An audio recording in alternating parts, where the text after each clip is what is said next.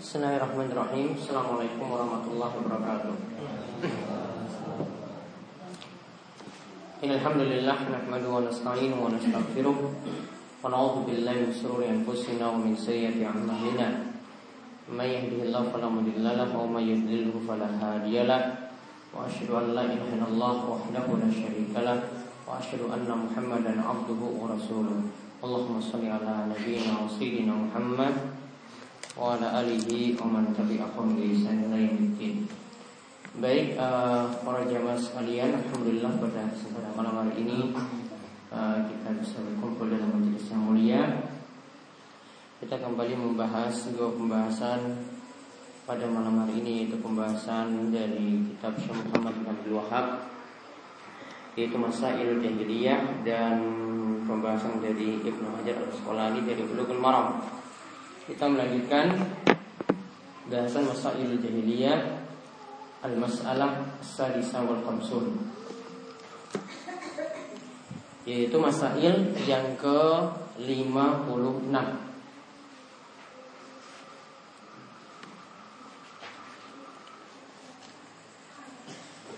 yaitu tasmiyatuhum tauhid syirkan. Tauhid malah disebut syirik ya tauhid malah disebut syirik. Itu kata Syekh Muhammad bin Abdul Wahab tasmiyatu ittibai Islam syirkan. Itu orang yang mengikuti tuntunan Islam disebut berbuat syirik. Sebagaimana disebutkan dalam firman Allah Subhanahu wa taala maka li basyarin ayyutiyahu Allahul kitaba wal hukma wan nubuwata summa yaqula lin nasi kunu ibadan min dunillah. Ya tidaklah pada manusia ada yang yu'tiyah Allahul kitab, ada yang Allah memberikan kepadanya Alkitab wal hukma dan hikmah nubuah dan kenabian. Kemudian dia malah mengatakan kepada manusia Kunu ibadali Cukuplah kalian menjadi hambaku saja. Mindunillah selain daripada Allah.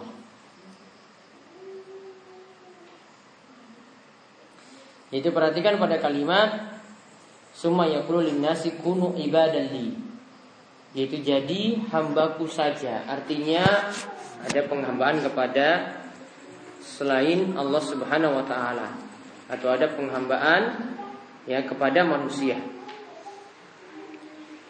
Nilai yang Syekh sebut ya ada yang ingin bertauhid mengikuti tuntunan Islam malah diajak untuk berbuat syirik. Ya malah diajak untuk berbuat syirik atau digelari dia berbuat syirik. Jadi ini selama saja dengan memutar balikkan fakta. Itu ada menggelari orang yang bertauhid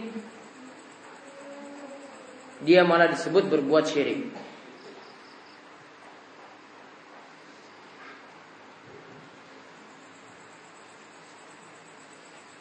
Dan perlu diketahui ayat tadi yaitu surat Ali Imran ayat ke-79. Itu menerangkan bahwasanya asalnya para nabi dakwah mereka itu adalah dakwah tauhid dan tidak mendakwakan syirik. Dan dakwanya bukan dakwah untuk mengajak manusia untuk menyembah mereka. Sama sekali tidak pernah demikian. Bahkan para nabi ketika diutus itu tujuannya untuk mengingkari penyembahan semacam tadi. Namun orang-orang yang dengki kepada nabi kepada para nabi, mereka menggelari ya para nabi tersebut, ya mereka dituduh supaya ya menjauh dari dakwah para nabi dengan menggelari dakwah tauhid tadi adalah dakwah untuk jadi pengikut para nabi, bukan dakwah untuk menyembah Allah. Maka Syekh Shalal Fauzan juga mengatakan di sini wa ma asbahal laila bil bariha. Sama dengan malam kemarin, fauna kama yusammunal ikhlasil ibadah kufran. Ada juga yang sifatnya itu sama yaitu menamakan orang yang ikhlas dalam ibadah dengan kekufuran. Bahkan dikatakan khurujan khurujan anid din, keluar dari Islam atau menggalirnya dengan kesyirikan. Dan sebaliknya ibadatul kubur, orang yang jadi pengagung kubur itu malah disebut orang yang bertauhid. Itu yang disebutlah orang muslim. Ya, karena dia menjadikan orang-orang soleh sebagai tempat untuk bertawasul dan kecintaannya sangat lebih sekali kepada orang-orang soleh.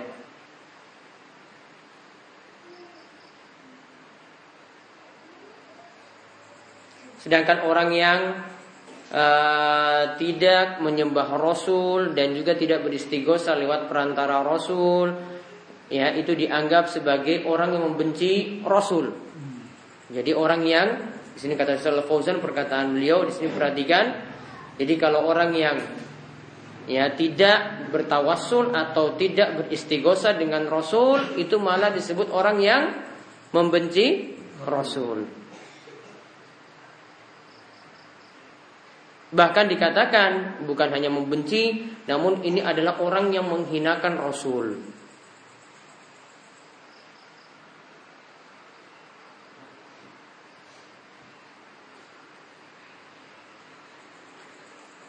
Dan saya juga katakan bahwasanya perkataan semacam itu itu sama juga dengan perkataan orang Nasrani Najran dari Najran sana ketika ada yang mengikuti Rasul malah disebut sebagai orang yang beribadah kepada para rasul. Ya, sama yang kita saksikan saat ini kalau ada yang mendakwakan tauhid malah dituduh ya orang tersebut mengajak umat untuk ya menyembah orang tadi. Ya, jadi kalau ada dai yang mengajak untuk bertauhid, malah ada yang menuduh, memfitnah, memberikan isu bahwasanya ya ini sebenarnya ada dakwahnya adalah untuk menyembah dai tersebut. Jadi kalau ada yang punya pemikiran seperti itu, maka kata Soleh Fauzan, inilah imtidadul limadhabil ahli jahiliyah. Ini cuma panjang tangan saja dari kelakuan orang jahiliyah di masa silam. Jadi kullu sammal haq batilan mereka memutarbalikan yang namanya ya kebenaran dijadikan itu sebagai suatu kebatilan dinyatakan batil wal batilu haqqan dan kebatilan itu dijadikan sebagai suatu kebenaran wal billah sama juga kata beliau orang-orang Jahmiyah dan Mu'tazilah itu menganggap jika ada yang menetapkan sifat-sifat Allah disebut berbuat syirik. Ya, ada yang menetapkan sifat-sifat Allah disebut berbuat syirik karena kalau sifat Allah itu berbilang berarti menjadikan Allah juga berbilang. Ya, ini sama saja berbuat syirik kepada Allah. Jadi sama sifatnya tadi. Jadi yang namanya kebenaran dibuat menjadi suatu kebatilan Kemudian namanya kebatilan dibuat jadi suatu kebenaran. Itulah sifat-sifat jahiliyah dan kita juga temukan saat ini cuma panjang tangan saja dari keadaan masa jahiliyah di masa silam. Kemudian masalah yang berikutnya al mas'alatus sabi'ah wasamina wal khamsun yaitu masalah yang ke 57 dan 58. At-tahrif yaitu merubah atau menyelewengkan makna walayil ahsina alsina fi kitabillah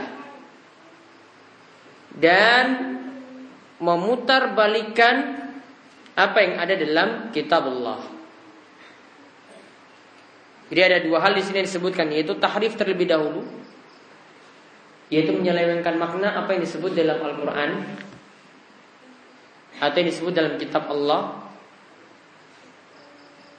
Kemudian yang kedua, memutar balikkan lisan. Jadi artinya sama, ya. Uh, dia merubah-rubah apa yang terdapat dalam kitab Allah.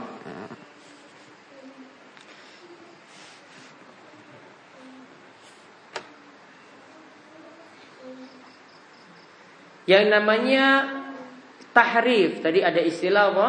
Tahrif. Tahrif itu artinya yahrifunal kalim an mawadihi imma bitagiri alfazi wa imma bitagiri ma'anihi wa tafsiri bighairi tafsiri. Yaitu maksudnya adalah menyelewengkan makna dari yang semestinya.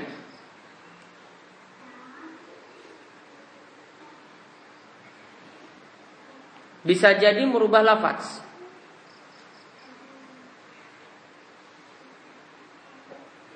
Bisa jadi juga merubah makna. Atau tafsirnya. Makna sama dengan tafsir.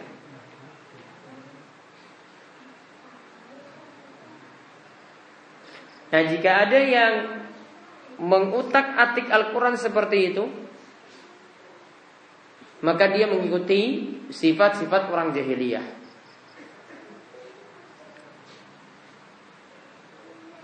Jadi kalau merubah-rubah nas dengan tujuan misalnya sini kata Syekh Shalih Al-Fauzan lituwafiku maqasidiha untuk ya menyesuaikan sesuai dengan tujuan-tujuan dari pemikirannya atau menyesuaikan sesuai dengan mazhabnya baik yang diselewengkan tadi yang sudah disebutkan lafaznya ataupun maknanya maka dia berarti telah mewariskan sifat-sifat jahiliyah. Jadi kalau apa yang disebutkan dalam Al-Quran Maka tidak boleh dirubah-rubah lafadznya Apa yang disebutkan juga tidak boleh dirubah-rubah maknanya Tafsirannya. Sudah kita maknakan seperti apa yang dikendaki oleh Allah dan Rasulnya Tanpa mengubahnya sama sekali. Sama juga di sini tadi Walayul al-sina. Jadi dari sisi lisannya itu dia memutarbalikkan apa yang disebutkan dalam Al-Quran. Nah itu juga sama dengan tahrif Nah ini juga di antara sifat sifat jahiliyah. Dan kalau kita mau tahu prinsip aliran sesat, itu kembali kepada dua prinsip. Ini silakan lihat aliran sesat yang ada. Kalau pakai pakai Al-Quran, maka kembali ke dua prinsip. Yang pertama, menolak dalil atau mendustakan dalil.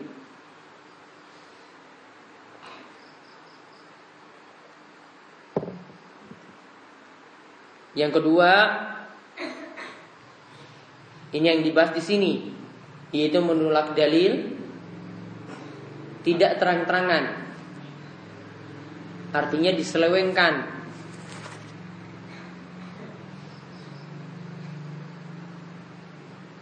Jadi kalau orang itu berdalil misalnya dia bawa Al-Quran, ya dua, dua prinsip itu tadi. Dia tolak dia tidak terima makna yang dikandung di dalamnya atau ini juga pada hadis dia tolak atau yang kedua tahrif. Dia selewengkan maknanya. Ini namanya saja menolak namun tidak terang terangan.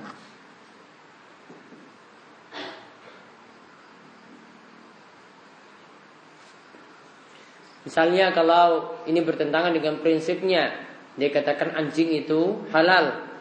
Kalau ada dalil yang menyebutkan bahwasanya setiap hewan yang bertaring, binatang buas yang bertaring, ya, maka dia bisa jadi menolak hadis semacam ini, dia katakan ini bertentangan dengan Al-Qur'an. Atau dia selewengkan makna tadi, ya, anjing tidak masuk di dalamnya. Ini juga ya salah satu atau dua cara kita mengetahui bagaimana aliran sesat. Kemudian masalah yang berikutnya masalah 59 yaitu talqibuhum ahlul haqqi talqibuhum ahlul haqqi bil alqabil al munaffara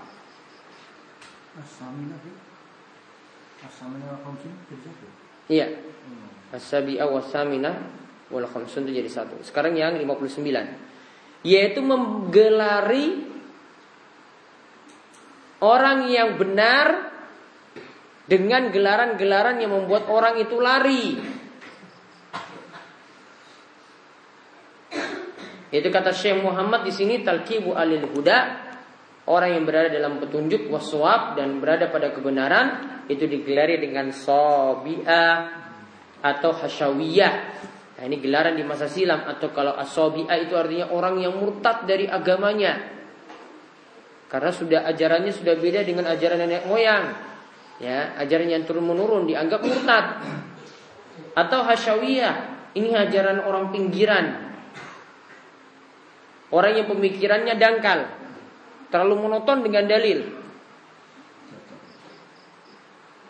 Gak mau pahami dalil sesuai dengan perkembangan zaman, monoton, dangkal sekali pemikirannya.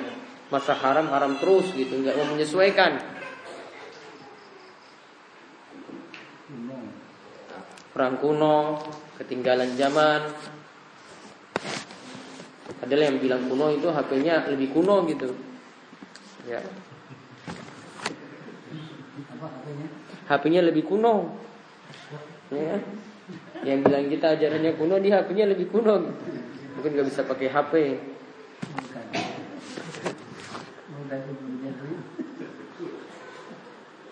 Jadi biasanya mereka merendahkan orang yang berpegang teguh dengan kebenaran ya dengan lakop-lakop gelaran yang membuat orang itu lari dengan gelaran yang kecil kata Syekh di sini gelaran yang membuat orang itu lari kalau di sini Syekh sebutkan Syekh Muhammad sebutkan ini gelaran yang ada di masa silam tadi as-sabi'ah as-sabi'ah itu artinya al-kharij anid din itu orang yang keluar dari Islam kita katakan murtad karena dia sudah tidak lagi mewarisi ajaran nenek moyang ajaran turun temurun dia tidak ikuti. Wong Islam kok koyong ini ya toh. Mengaku Islam namun nggak mengikuti tradisi. Dikatakan menyimpang seperti itu. Kemudian digelari tadi Hasyawiyah. Hasyawiyah itu adalah orang yang terbelakang, terbelakang kuno. Kata-katanya itu pokoknya tidak ada faedah, pemikirannya dangkal, kuno.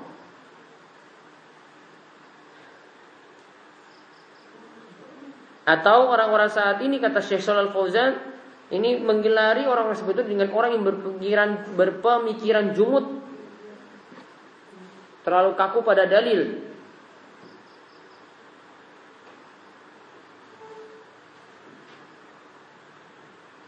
Kalau saat ini ya orang-orang seperti ini nanti digelari. Kalau datang ke masjid itu rajin saja. Ya entah gelarannya itu teroris entah gelarannya itu ISIS. Ya jenggotan. Ya kemudian celananya itu ngatung itu sudah disebut aliran-aliran semacam tadi. Buat orang-orang itu lari seperti itu. Ini sifat-sifat jahiliyah. Jadi turun temurun seperti itu. Jadi banyak orang-orang jahiliyah saat ini yang masih menganut sifat-sifat jahiliyah semacam itu. Kemudian masalah yang terakhir kita bahas yaitu masail yang ke as-situna wal hadiyah wasitun yaitu 61 60 dan 61 yaitu iftira'ul kadhibi Allahi wa takdzibu bil haqq. Membuat kedustaan atas nama Allah ya membuat kedustaan atas nama Allah wa takzibu bil haq dan mendustakan kebenaran itu sendiri. Atau dia tidak menerima kebenaran itu sendiri. Jadi dua hal di sini disebutkan, yaitu membuat kedustaan atas nama Allah. Atau ini juga termasuk sini membuat kedustaan atas nama Rasulullah Sallallahu Alaihi Wasallam. Kemudian dia mendustakan kebenaran. Ini adalah sifat jahiliyah. Jadi yang dimaksud sini adalah bisa jadi dia itu mendustakan Allah berdusta atas nama Allah, berdusta atas nama Rasul dan dia mengingkari kebenaran. Contoh misalnya berdusta atas nama Allah seperti yang dikatakan dalam ayat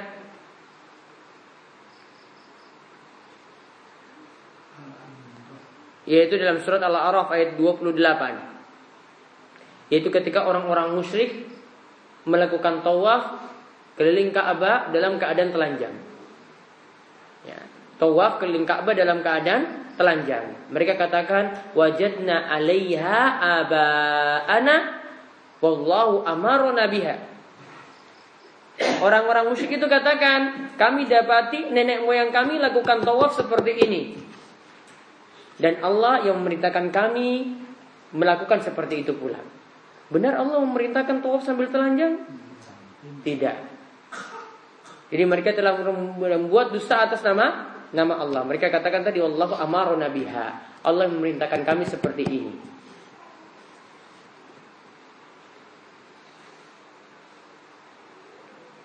Jadi membuat kedustaan seperti ini sangat-sangat bahaya. Allah katakan faman azlamu mimman iftara 'ala Allahi kadziba. Ya, siapakah lagi yang lebih zalim daripada orang yang membuat kedustaan atas nama Allah? Ini bukan kedustaan atas nama manusia namun ini atas nama Allah Subhanahu wa taala. Sama seperti orang misalnya kalau dia nyatakan kalau dia lakukan suatu ajaran tidak ada tuntunannya kemudian dia katakan Allah ngajarkan demikian. Itu sama. Ya, dia sudah membawa nama Allah di situ. Contoh lagi misalnya atas nama Rasul.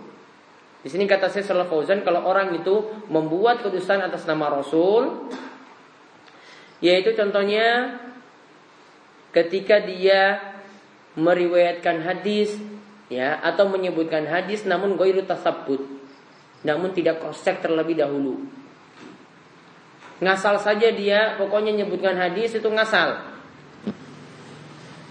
jadi kata saya di sini wallazi yadusu bihadza min ghairi tawassub wa min ghairi tasabbut. Jadi kalau ceritakan suatu hadis ya ini katakan ini sabda Nabi SAW Nabi SAW bersabda demikian namun tidak pernah dicek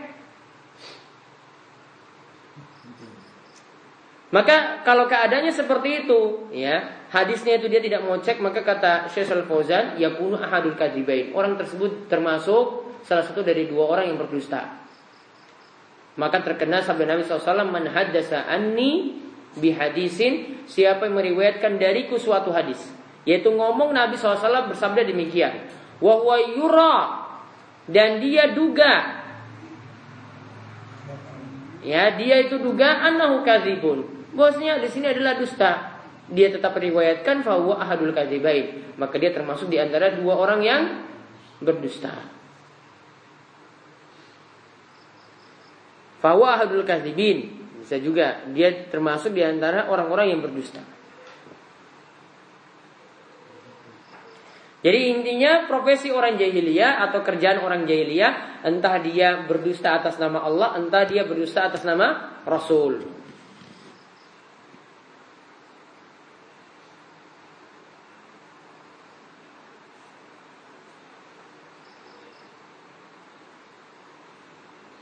Seperti tadi, ya mereka itu mengklaim maksudnya Allah yang memerintahkan mereka untuk telanjang ketika melakukan tawaf.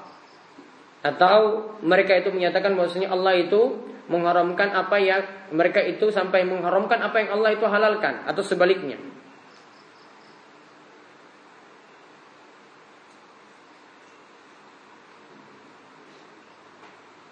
Atau mereka kadang berdalil dengan takdir.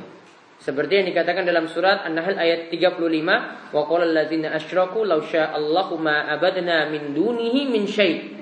Mereka itu mengatakan wa qala allazina asyraku yaitu mereka yang berbuat syirik itu mengatakan seandainya Allah itu menghendaki tentu kami tidak menyembah selainnya selain dari Allah min syai' sedikit pun juga. Jadi mereka berdalil dengan kesyirikan itu dengan kehendak Allah. Seandainya Allah kehendaki.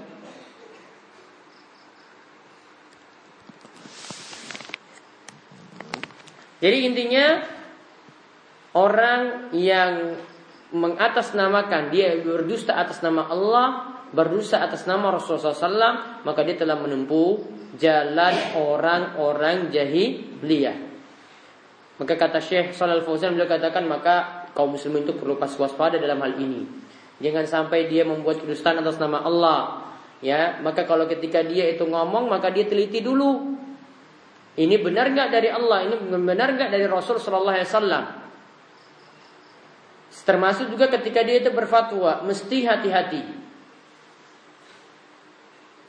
Kalau ya dia di sini kata Sisal Fauzan fa kana ma naquluhu khata'un jika sesuatu yang dia nukil itu keliru Padahal sebelumnya tidak dia cross check terlebih dahulu, tidak dia teliti terlebih dahulu, lalu dia menyebarnya, menyebarkannya begitu mudah. Ini termasuk kalau jamaah sekalian biasanya dengar berita kemudian men-share begitu saja, me, memberitahukan pada yang lainnya begitu saja. Tidak tidak pakai cek-cek terlebih dahulu. Terutama kalau ada gosip, ada pembicaraan kepada orang, kemudian disebar pada orang lain lagi seperti itu. Maka ini kata Salih Fauzan ini termasuk di antara dua orang yang berdosa sebagaimana disebutkan tadi.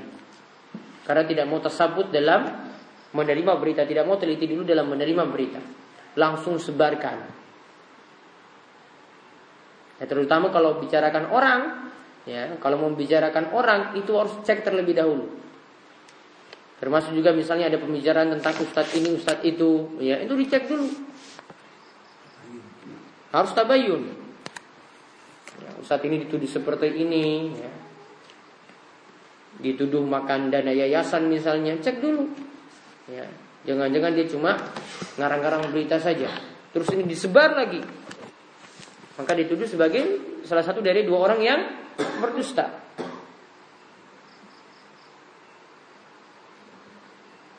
Nah, terutama di sini peringatan beliau tentang hadis penyebaran hadis doif. Maka hendaklah wajib ya, ini kata beliau wajib, saya Salafuzin katakan wajib mengenai hadis doif ini tidak perlu diriwayatkan. Artinya tidak perlu disebarkan. Bahkan itu dipersempit jalannya supaya orang-orang itu tidak tahu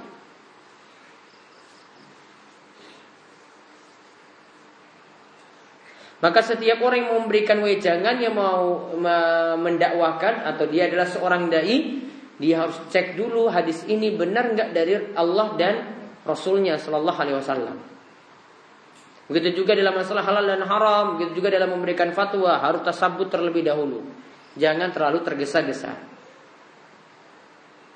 Karena kalau keliru, padahal awalnya itu tidak dasari dengan ilmu, maka dianggap dia termasuk orang yang berdusta.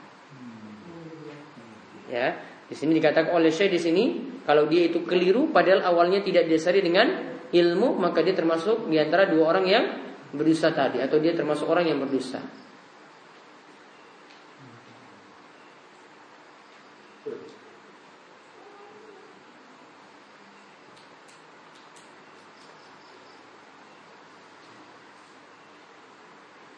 Nah itu tentang masalah berdosa atas nama Allah dan Rasulnya begitu juga membuat ya kedustaan terhadap kebenaran yaitu tadi bentuknya di antaranya menyebar berita termasuk juga hadis doif tanpa melakukan tasabut cross check terlebih dahulu. Nah insya Allah nanti pada pertemuan berikutnya kita lanjut lagi dengan masalah ke 62.